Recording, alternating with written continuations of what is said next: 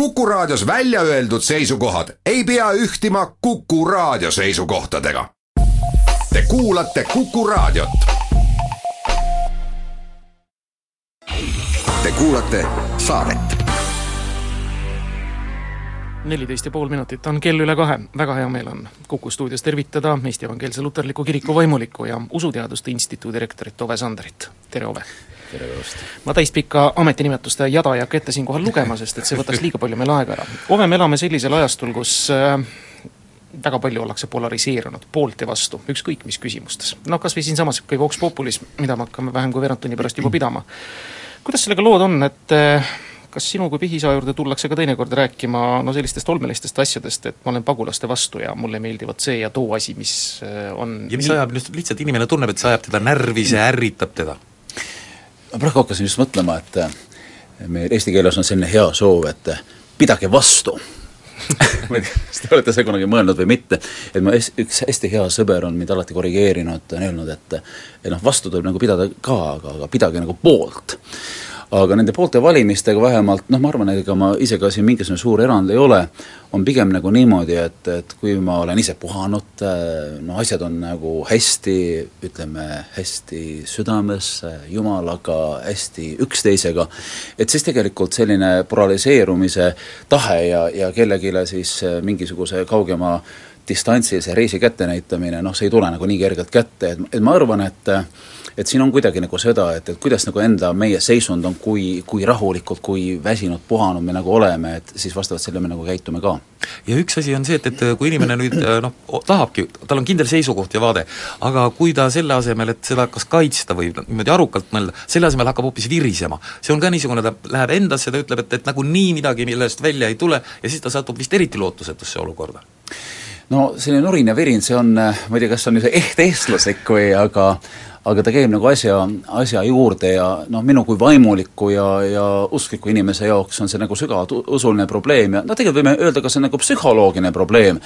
et eh, noh, taas, ma olen seda pannud hästi palju enda puhul tähele, tegelikult teiste juures ka näinud, et kui me ei ole nagu endaga rahul, et noh, ei saa endaga läbi, ei, ei armasta ennast, ei suuda endaga seda lepitust leida, noh siis kõik on kole pime ja, ja, ja noh, kõikidel nagu ütled halvasti. aga noh, kui on nagu neid hetki olnud, et vaatad, et noh, et ise ka nagu väga paha inimene, eks ole, ei ole ja siis nagu maailm muutub ka valgemaks. et selles mõttes, et, et ma võib-olla isegi nagu ei ütleks, et, et mingisugused probleemid on nagu hästi rasked, millega me tegeleme, no igal ajalooetapil on mingisuguseid raskeid probleeme, aga pigem ütleme, see polarisatsioon, rahulolematus, hästi selline jäik seisukoha võtmine, pigem nagu iseloomustab kuidagi meie enda sellist noh, seesmist tervist või, või, või seesmist rahu kasutades juhust, et meil on ikkagi stuudios ka kirikuvalitsuse liige, üks paljudest ametitest Ovel, siis eh, ega me ei saa siin aktuaalseid küsimusi ka küsimata jätta, vähemasti kuulajad ja andestaks seda meile, kaks kirikut on meil tõusnud eh, Eesti Evangeelse Luterliku Kiriku nii-öelda varamust eh, uudiste päevakorda, üks neist on Narva kirik, mille kohta vist uudised on enam-vähem head, et koostöös riigiga saab Narva kirik võimalikust oksjonihaamrist päästetud. vähemasti selline on jutt olnud, aga teine küsimus ja vaidlusobjekt on nüüd südalinnas seisnev Niguliste kirik kus on siis nüüd vaidlus õigusjärgse omanikuna on Eesti Evangeelsel Luterlikul Kirikul justkui täisvoliõigus seda kirikut endal teenistuste jaoks kasutada, aga tegemist on ka kultuuriväärtusega. Noh jah, et äh, muidugi kohe tuleb Jumala sõna meelde ja Jeesus äh,, see oli ka mingisugune situatsioon, kus siis äh, jüngrid näitasid õpetajale templit, et missugused hooned ja, ja missugused hooned ja Jeesus muidugi ütles, et et noh, ei jäeta nagu kivi kivi peale ja noh, tõepoolest, eks ole, see nagu ajaloo episood ja need kivid kivi peale ei jäänud ka, aga ma arvan, et see point nagu, mida Jeesus tahtis öelda, et et isegi kui kallid ja kui kaunid ja ükskõik kui palju vaidlusi meil nende hoonete peal on, et midagi on tähtsam, et tähtsamad on inimesed, tähtsamad on suhted. Ja, ja minu nagu isiklik arvamus täiesti kattub, Timo, sinu omaga, et noh, Narva kohta me oleme nagu häid uudiseid kuulnud ja, ja kindlasti kasutan ka raadioeetrit ära, et ka muidugi tunnustada riigi riigipoolset sellist äh, tõsist abi ja, ja eriti ka Siseministeeriumi inimesi, noh, kes on väga nagu asja juures olnud ja, ja et lahendused on leitud ja koostöös kirikuga ja kui me liidame siia ka kiriku korjanduse ja juurde, et ma usun, et äh, seal nagu asjad lahenevad ja muidugi üks asi on nagu hooned, aga teine asi on see töö, mis seal tuleb, ja mis puudutab Niguliste kirikut, siis see on olnud selline pikk teema ja mingisuguste asjade pärast see nagu aktiviseerub ja muidugi asju võib näha ühelt ja, ja, ja teiselt poolt ja arusaadavalt, et ERK-l on ikka huvi seda endale tagasi saada ja noh, loomulikult, et äh, ma arvan, et sisust seal nagu puudu ei tule, et näiteks kas või ütleme, rahvusvaheline kogudus, inglased, sakslased sinna, eks ole, kokku panna, et noh, midagi oleks võimalik toimetada seal küll. ja ilmselt on võimalik mingi rahulik kompromiss ka selles mõttes, et ka kontserdisaalil on ta väga väärtuslik paik, et seal saab kontserti jätkata, kõikides teistes kirikutes tehakse kontserte, miks ei võiks siis selles evangeelsele luterlikule kirikule tagasi antud kirikus kontserte korraldada. ei no kindlasti ja, ja noh, ma arvan ka, et selles asjas on nagu palju emotsiooni ka ja noh, teinekord on mingisuguseid hirme ka, et noh, need kiriku inimesed, need on sellised hirmsad inimesed, et kõik museaalid noh, viivad kohe kadaka turule ja, ja mitte kedagi me sisse ei lase. aga noh, kui me vaatame Nõukogude ajal, et noh, kes hoidis, et noh, kus olime su-, no tegelikult kirik hoidis ju tegelikult need museaalid alles ja, ja noh, peaks nagu see omandisuhe seal muutuma, et noh, ma olen absoluutselt kindel ja võin kinnitada, et neid ka küll muuseumit või, või neid äh, museaale sealt välja ei tõsta, et, et pigem see annaks võib-olla nagu laiemad võimalused jällegi selleks kirikutööks seal. aga ütlen ühe hea sõbra sõnadega, et et isegi noh, nii jäärapäised, nagu me eestlased oleme ja kus on kaks eestlast, on kolm parteid ja, ja me ei tea, mida neli veel, aga et kui me piisavalt pikalt nagu ühe laua taga istume, et juhtub see ime, et me varem või hiljem hakkame nagu üsna ühiselt asjadest aru saama. globaalsetest maailma probleemidest kõneldes ütle aga, kas su nii-öelda jutluste tekst on ka natukene sinnapoole pööratud, et üha rohkem on seal sellist lauset, et ligimese eest hoolt kandma või lähedase eest hoolt kandma, kõik me oleme siin hädades ja õnnetustes õed ja vennad, no viidates pagulasprobleemile? ei noh, muidugi on päris, päris, päris selge ja, ja noh, lo-, loomulikult me ju kõik tahaksime, et äh, probleeme mitte kellelgi ei oleks ja me saaksime nagu rahulikult enda asjadega teha ja enda elu arendada, aga no mis siin salata, maine elu jääb maiseks ja siin on, eks ole, probleemid ja, ja vapustused ja ja targad pead ju ütlevad ja nad tegelikult ammu ütlesid, noh me, tegelikult me ei pannud seda Euroopas tähele, ammu oli juttu, et pagulaste teema nagu tõuseb ja ilmselt noh, me ei pannud tähele ja ei olnud selleks nagu valmis, ja minu meelest äh, selline noh, hoiak või seisukoht Äh, mis ka ELK-l on olemas, et loomulikult me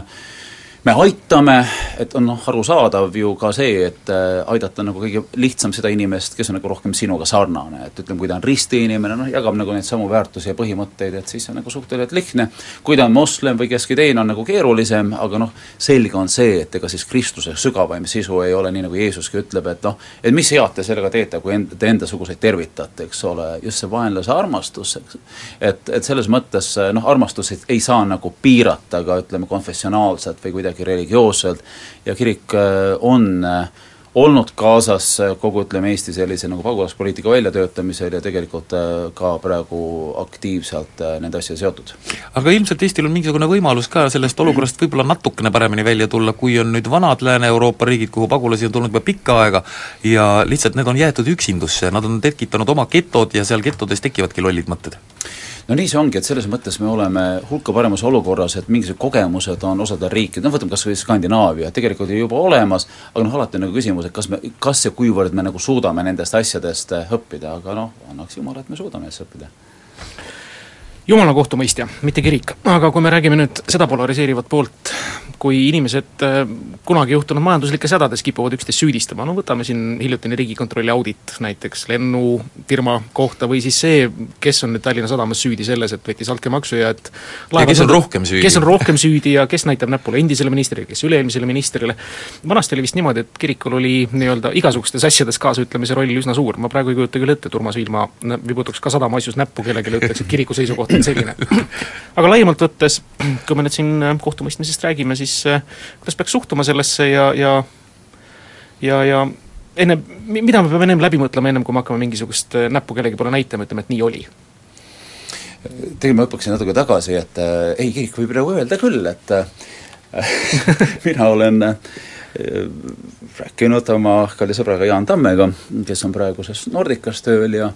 ja olen talle ka väga selgelt ära seletanud, miks Estonian Air nagu põhja läks. Et noh, mis audit, selle kohta ma ei oska nagu väga palju öelda, aga mina kasutasin Estonia e-teenuseid nagu hästi palju ja ühel hetkel juhtus see, et nad ei pakkunud enam süüa.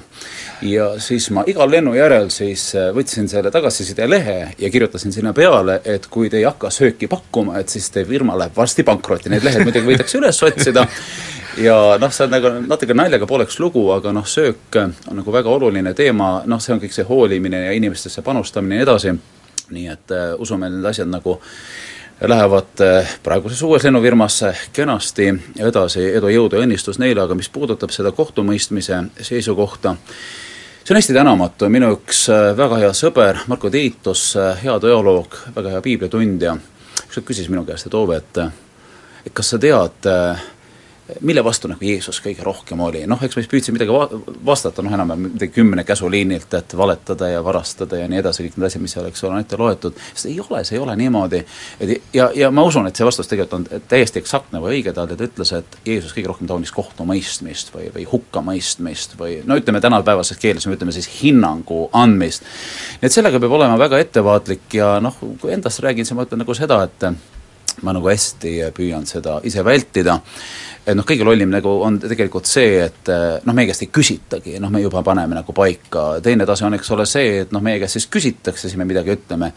ja olen ikka seda nagu püüdnud õpetada ja eelkõige endale õpetada, et võib-olla väga heale sõbrale, kes sõna otseses mõttes mind noh, pommib pikalt, et no mis sa sellest arvad, ma midagi ütlen välja. sellepärast, et noh, igasugune selline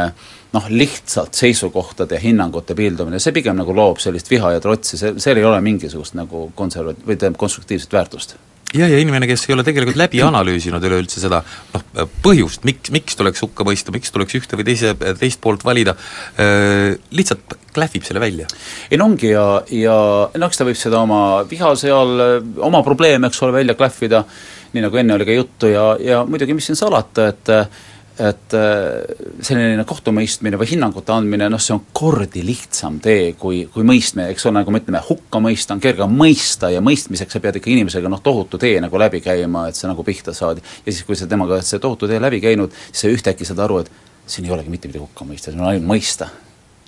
Meil on napp minut jäänud, enne kui reklaami uudised peale tulevad, aga teeme sissejuhatuse juba siis teisele pooltunnile, kuidas oma hinge eest hoolt kanda noh jah, sa oled hästi optimistlik küsimuse seades, et kõigepealt vastus ma ütleksin niimoodi, et et kõigepealt nagu peaks üldse selle jõudma, et inimene peab oma hingest hoolt kandma, nii nagu filmiklassika seda ütleb ja aga ega see ei olegi tegelikult nii väga keeruline, ütlen seda, mida kunagi minu esimene leeriõpetaja Harald Tammur Tartus ütles, kõige lihtsam on käia kirikus, käia jutlust kuulamas ja armulaual ja siis on hing ka palju ja hästi hoitud.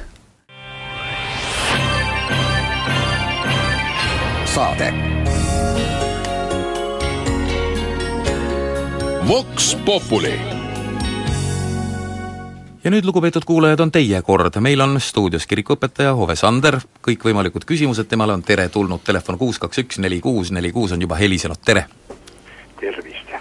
minu lugupeetud kirikuõpetajal oleks küsimus selline, et et vaadake, praegu räägib Ukrainas ei saa rahu ja kõik need asjad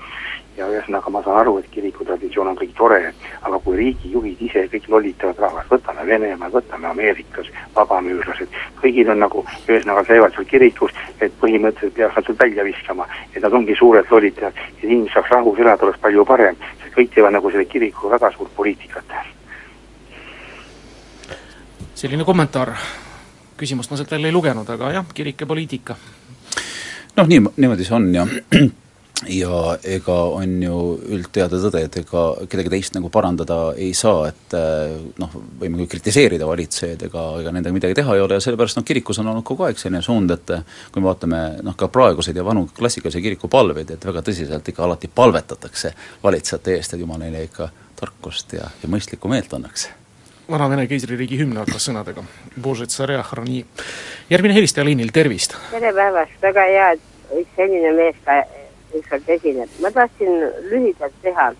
minust ei kao usk ära, minus on usk olemas ja selle ma saan väga tugevalt sisse, aga üks mure mul on ja küsimus, miks Eesti Raadio hommikul, kui tema loeb neid usupalveid või usujuttu, miks ta ei ütle kunagi meie isa, isa palvet lõpus?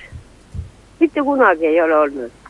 ainult üks mees vist kunagi ütles jah, aga muidu minu meelest see on nii igapäevane asi, see on nii tavaline ja see peaks ikkagi olema. kas inimene seda kaasa loeb, see on tema oma asi, aga see võiks olla, see võiks olla. aitäh teile! no absoluutselt nõus ja, ja ähm, ega teisiti nagu ei, ei, ei, ei saagi, no ma ei, ma ei oska öelda, mis need kaalutlused on, tunnistan, mind ei ole sinna nagu pikalt palveid pidama kutsutud et küll, küllap ma siis ka isa meie palve ära loeksin, aga noh, e-, eks äh, no eks me teinekord vist ole nagu väga steriilsed ka ja võib-olla ei taheta siis inimeste nagu usutundeid või, või mõtteid riivata, kui mõnele ei sobi, eks ole, meie see palvetekst, aga ma arvan, et me ikkagi niivõrd julged peaksime küll olema, et et issandat mitte häbeneda ja, ja noh, jumala sõna ütleb selgelt, et kes issandat häbeneb, seda ühel heal päeval häbenetakse ka. kuus, kaks, üks, neli, kuus, neli, kuus on stuudios meie telefoninumber ja see on helisenud, tervist! tere! olge hea, keerake raadio vaiksemaks, me kuuleme teie küsimust siis paremini. jah, ma unustasin ma tahan öelda, et Jeesuse enda, no tähendab, ilmutuse raamatus on öeldud ju viimasele kogudusele, ma tean sinu tegusid, et sa pole külm ega kuum. oh, kui oleksid sa külm või kuum, aga nüüd, et sa oled leige ja mitte külm ega kuum, siis tahan ma sind välja sülitada oma suust. sa ütled, ma olen rikas ja mul on vara küllalt, ega ole mul midagi vaja. ja sa ei tea, et sa oled vilets, armetu ja vaene, pime ja alasti ma annan sulle nõu, osta minult, see tähendab Jeesuselt endalt, kulda, mis tules on puhastatud, et sa võiksid rikkaks saada vaimselt. Ja valged riided, et sa nendega riietuksid, et ei nähtaks su alastuse häbi, see on jälle vaimne. ma noomin ja karistan kõiki, keda ma armastan, ole siis väga hoolas ja paranda meelt. vaata, ma seisan ukse taga ja koputan, kui keegi mu häält kuuleb, ukse avab, selle juurde ma lähen sisse, see on õhtust ühes temaga ja veel tahan öelda, Matteuse kuus on ju samamoodi Jeesus ütleb, ärge olge nagu silmakirjatsejad koguduse kodades ja tänavate nurkadel, nendel on oma palk käes. sina, kui palud, mine oma kambrisse, sule uks ja palu isa ja ära pikalt lobise, sest nagu paganad, sest isa teab, mida sa soovid sama hetk, kui sa palud, ma tänan. ma tänan, et kuulasid. aitäh teile me võime kõrvalt öelda, et Ove Sander noogutas kõigile. absoluutselt ja, ja kindlasti on see nagu väga olulised tsitaadid meie jaoks, et et eks me kogu aeg püüa niimoodi poliitkorrektsed ka olla ja, ja, ja, ja jumala sõna tuletab tõepoolest meelde, et noh, ole siis poolt või ole vastu ja kui sa oled vastu, et siis nagu noh, saab vaielda või siis saab arutada või noh, no analüüsida, aga noh, kui, kui sa oledki mingisugune lei-, leige, et noh, siis ongi nagu aknast välja lennutamise teema käes. kuus, kaks, üks, neli, kuus, neli, kuus on taas helisenud, tere! tervist! Mind huvitab äh, selline asi, kuidas te suhtute sellesse, et usku kasutatakse võimu äh, olemiseks, võimu haaramiseks. ja siis võib-olla teine küsimus siit äh, juurde, et äh, äh, meil riigi konstitutsioonis on äh, välja kirjutatud, et usk ja riik on eraldiseisvad äh, üksused, nad on lahus ja samas iga päev, seitsmel päev, päeval nädalas on äh, mingid usu kuulutamised just ainult kristliku poole pealt. et miks pole sellisel juhul, kui ollakse ütleme, kõigi uskude sallivad, et pole pandud, et igale nädalale, nädalapäevale siis erinevad usud, sest Eestis on ju tohutult palju erinevaid uske, et ütleme sellised seitse põhi ususuunda aitäh, siin oli nüüd nii palju küsimusi, et head saatejuhid peavad seda mulle meelde tuletama. üks on nagu see kiriku ja riigi teema, et, et siin võib-olla head kuulajad lihtsalt natuke täpsustaks, et kui nüüd meie põhiseadust lugeda, et siis seal nagu küll kiriku ja riigi eristamisest või eraldamisest noh, sõnakeski juttu ei ole, et pigem on nagu öeldud ühemõtteliselt, et Eestis ei ole riigikirikut. ja need on kaks nagu natukene äh, erinevat asja mis puudutab, et eh, noh, ka teisi uske võiks kuulutada, et siis eh, no täitsa päri, täitsa nõus ja, ja minu meelest siin ongi küsimus, et eh, ega siis kristlased ei ole teiste uskude vastased, ateistid on teiste uskude vastased, et kristlus ikkagi tähendab ka suurt sallimist, et et selles mõttes noh, ma arvan, et Eestis on ikkagi hea elada, et, et eks siis teised inimesed võivad ka kuulutada, mida nad tahavad ja, ja usuvad, aga oli see vist esimene küsimus, et mis puudutab nüüd usu ja, ja võimu vahelisi seoseid, et ega siin nüüd ei ole midagi öelda, noh, kui me vaatame ajalugu ja seda natuke tunneme, et eks need kaks asja on ikka käsikäes käinud ja noh, see on kahetsusväärne, need on käinud. Sellepärast, kui me mõtleme nagu noh, kristlusele tema selline päris ja algkujul, noh sellise kristlusele, millest õnnistage Jeesus Kristus räägib, siis ta ütleb väga selgelt, et noh, see on küllalt kohtine, eks minu riik ei ole siit maailmast ja, ja ütleme, no ma, ma ei tee siin mingisugust võimuvärki et aga noh, eks äh, kiriku liikmed ja kristlased ole noh, ka selles maailmas ja kiusatud täpselt samamoodi, nii nagu teised, et et kindlasti need on nagu väga olulised tähelepanu juhtimised, mida hea raadiokuulaja siin tegi järgmine helistaja on juba küsimusega liinil, tervist, kuulame teid. tervist, teatavasti Kristus äh, keelas vande andmise. noh, see on ka Uues Testamendis sees ja seega ka piiblis sees. ometigi, eks ole jätkatakse seda kometemängu, eks ole, nagu ütleme, kaks meie presidentidest vähemalt on käinud Kaarli kirikus vannet andmas lausa piiblis, eks ole, piibliga, piibli peal, eks ole, mis ometi seda keelab, eks ole, no Riigikogu, nemad on ateistid, tehku nemad, mis nad tahavad, eks ole, aga vähemalt kirikus ei peaks niisugust asja tegema, kuidas kommenteerite? oleks võinud küll midagi lihtsamat küsida. See on nagu päris raske teema, et, et tõepoolest ähm, ähm, no ma võib-olla kommenteerin niimoodi, kui, kui niimoodi hästi lühidalt kommenteerida, et äh, ei ole asja, mida piibliga ei tõesta, ei ole ühtegi asja, mida piibliga nagu maha ei lükka. Ja muidugi võiks siia kohe neid, neid kohti ka juurde lisada või, või juurde tuua, kus on öeldud, et noh, et ega see vande andmine nüüd päris paha asi ei olegi, no kas või seesama tuntud tsitaat, mis nüüd ühelt poolt nagu keelaks vande andmise, et ärge vanduge, eks ole, maa ja taeva, kuidas seal on nende nimel, aga samas siis öeldakse, et jah, olgu jah, ei, ei, noh, selles on ka nagu mingisugune vande iseloom olemas aga noh, see on, see on nagu väga keeruline küsimus, et eks ta ole natuke traditsioonidega ka seotud äh,, nii riigikultuuri traditsioonide, kiriku traditsioonidega, isegi noh, mitte kirikutalitused, vaid näiteks ütleme, vaimulike ametisse astumine, organisatsioonid, need on kõik nagu vannetega seotud, aga võib-olla ma nagu rõhutaksin lihtsalt seda aspekti, et et tõepoolest, kui inimene lihtsalt midagi on ju lubab, et noh, et ma ei tea, et teen või armastan või hakkan ülehomme paremaks, et see on nagu paha asi, aga kui ta nagu äh, ikkagi ü, nagu lubab, siis kuidas ma ütlen, selles mõttes, et noh, ta püüab, üritab ja nagu me alati ütleme, ütleme nende vannetele juurde, et jumala abiga, jah, jumala abiga ma arvan, et siis see on nagu okei okay,, aga tähelepanu juhtimine on muidugi ääret õige, jah. Telefon on taas helisenud, tere, kuuleme teid! tere, mina tahaksin rääkida või esitada küsimuse moraali ja eetika teemal, et äh, mind äh, väga, ma pean ennast ka kristlaseks, aga kuna tänapäeva Eesti kirikus on tähtsatel kohtadel endised kommunistid, ma mõtlen siin näiteks Viljandi Jaani koguduse juhatuse esimees on vanakommunist Tarmo Loodus ja mu oma ülikooli grupi komsomoli, komsorg on nüüd kirikuõpetaja, et et mul on nagu selle tõttu noh, tekkinud kahtlust, et need inimesed, kes nagu seal kiriku ladvikuga on seotud, et nende moraal on minu silmis väga suure küsimärgi all. Ja paljude, noh mitte paljude, ütleme noh, vähemasti kahe kirikutegelase seotus vabamüürlusega, mis minu arvates on äärmiselt ebaeetiline organisatsioon, et kuidas austatud külaline sellesse teemasse nagu suhtub, et et minu arust peaks kirikus püüdma ka sellise eetilise täiuslikkuse poole noh, täitsa nõus, muidugi need kakskümmend viis tööaastat, mida issand on mulle kirikus kinkinud, olen paraku näinud ka selliseid kommuniste, kes nagu ütleme siis asja eksitusest on aru saanud ja ja siiralt meelt parandanud ja selle üle saab ainult head meelt olla, noh muidugi kindlasti on ka neid, eh, nii nagu ikka, eks ole, kes siis eh, kuidas me ütleme, see kameelionid või, või kuidas see värv või tuul on ja nagu jooksevad asjadega kaasa.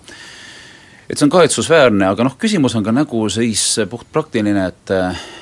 mis sa nendega nagu ette võtad, et, et täpselt nii, nagu ei ole usukraadiklaasi, noh, ei ole ka sellist selget eetilist kraadiklaasi ja, ja noh, see jutt läheb nagu natuke sinnani tagasi, et et ega see hinnangute andmine on nagu ääretult äh, raske asi. ja, ja mulle meenus üks tähendamissõna, Jeesuse tähendamissõna, see on noh, lühidalt nagu selline, et äh, on siis see põllu peal nisu ja luste või see umbrohi ja siis äh, osad siis arvavad, et äh, noh, ilmselgelt, eks ole, et saame nüüd küll vahe teha, et üks on nagu hea vili ja teine halb ja ja noh, kisume siis selle halva ülesse ja Jeesus ütleb, et, et ärge tehke seda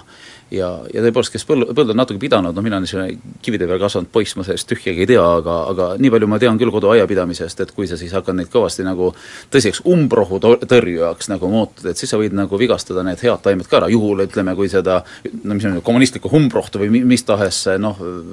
asju on nagu palju,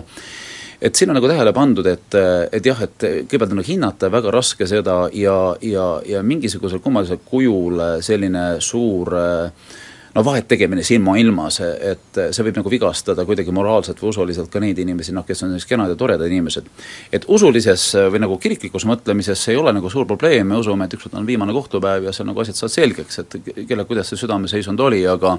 aga jagan taas väga nagu tugevalt küsija muret, et et noh, et mi-, millega siis me nagu kuulutame Kristust, et äh, mina nagu aeg-ajalt ütlen, et, et noh, me oleme nagu sõnadest nagu väsinud, et et ma arvan, et, et üks väga, väga oluline vahend ongi see, tähendab meie moraal ja me peaksime nagu kuidagi noh, teistpidi silma paistma, et me, me ei saaks, eks ole, olla mingisuguste kahtlaste asjadega seotud.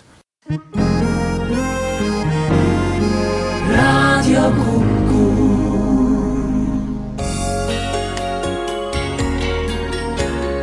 Vox Populi jätkame, meil on stuudios kirikuõpetaja Ove Sander, kõik küsimused temale on teretulnud ja telefon kuus kaks üks neli kuus neli kuus on taas helisenud, tere! tere päevast! Eh, kui me vaatame statistikat, siis eh, peab nentima, et eh, nende inimeste, kes on tihedalt seotud usuga ja, ja kirikuga ja enda vaimse täiendamisega nende inimeste hulgas näiteks on üsna väike osa neid, kes satuvad vanglasse, kes on korruptandid, kes on koduvägivallaga tuntuks saanud ja, ja kes ei, ei suuda normaalset jätkusuutlikku perekonda luua ja kasutada ja seda hoida. Ja siit nagu tekib küsimus, et äh, kas me ei peaks praegusel niisugusel moraalsel laostumise äh, hoogustuval ajastul, kus äh, hüperindividualism ja igasugused veidrused ja, ja, ja kõrvalekalded vohavad, ei peaks rohkem tähelepanu pöörama religioonile, mis oma põhiolemuselt siiski on inimest eh, tõstev ja kergitav, inimloomust eh, hoidev ja täiustav. Eh, ja siit üks niisugune küsimus, et kas ei oleks õige, kui me seoksime riigi ja kiriku väga tugevalt ja, ja võimaldaksime olukorra, kus kirik on väga autoriteetne ja tugev suunaja valitsuste asjaajamiste puhul ka. nii nagu see näiteks on Iisraelis. ja seal on saadud väga hästi hakkama ja kirik ei ole seganud riigi arengut ja riik ei ole seganud kirikut, vaid nad täiustavad ja täiendavad üksteist ja see rahvas on moraalselt väga kõrgel tasemel. nii et mina küll soovitaksin Äh, väga tihedat äh, side, tihedaid sidemeid riigi ja kirikuga, mis võiksid ka kujuneda umbes selliseks mudeliks nagu Iisraelis, kuidas arvate? noh, mis ma ütlen, jah ja aamen nende, nende, nende mõtete peale.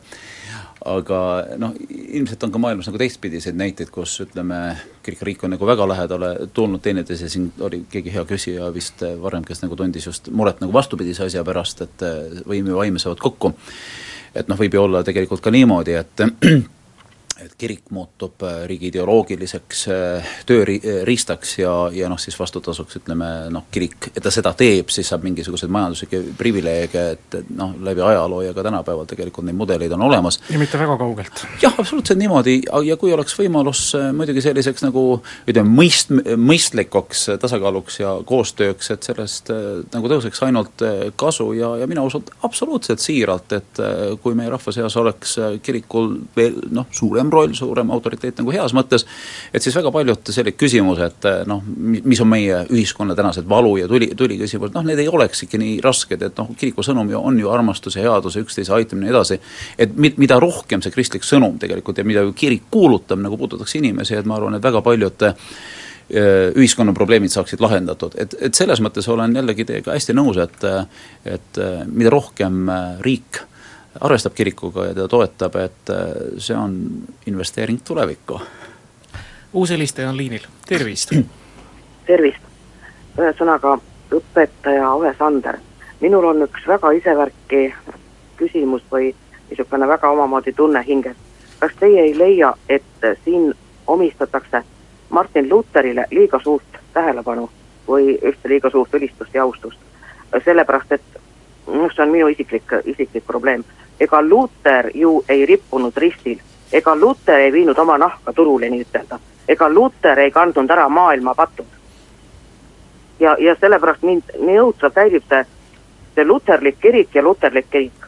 Luther ei peaks olema seal üldse üle niimoodi tähtsustatud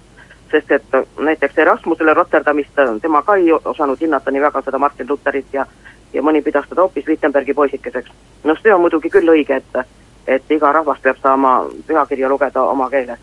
aga mis puutub sellesse, mis üks eelnev helistaja ütles, et et oli ennem kommunist või mingi partorg, inimene võib ju muutuda sada kaheksakümmend kraadi. ma ei tea, kas Kalev Raave oli ennem kommunist? kindlasti oli.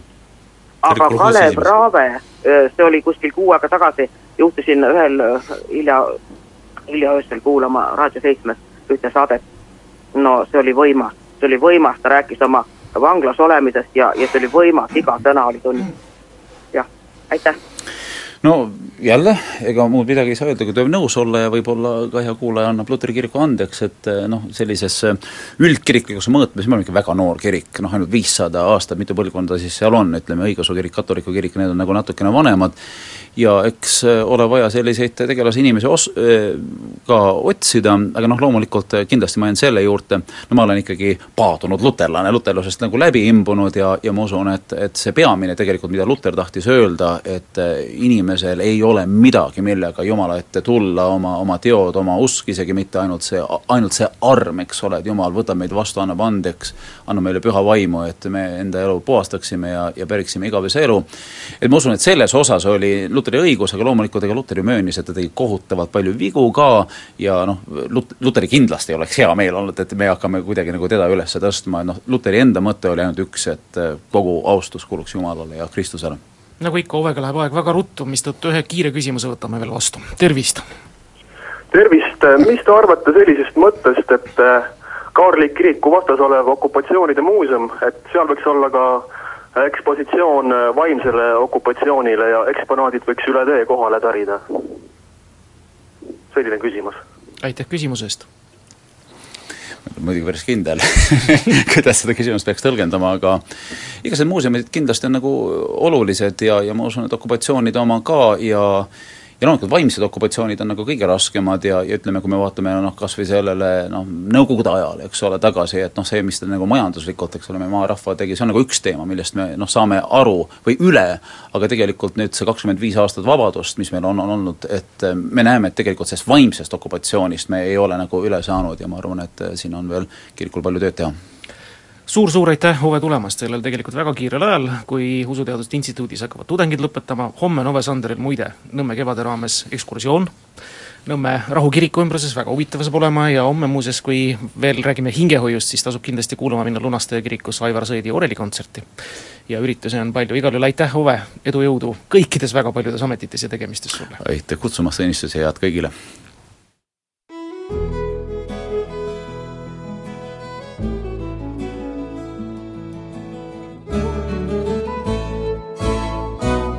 Raadio Kuku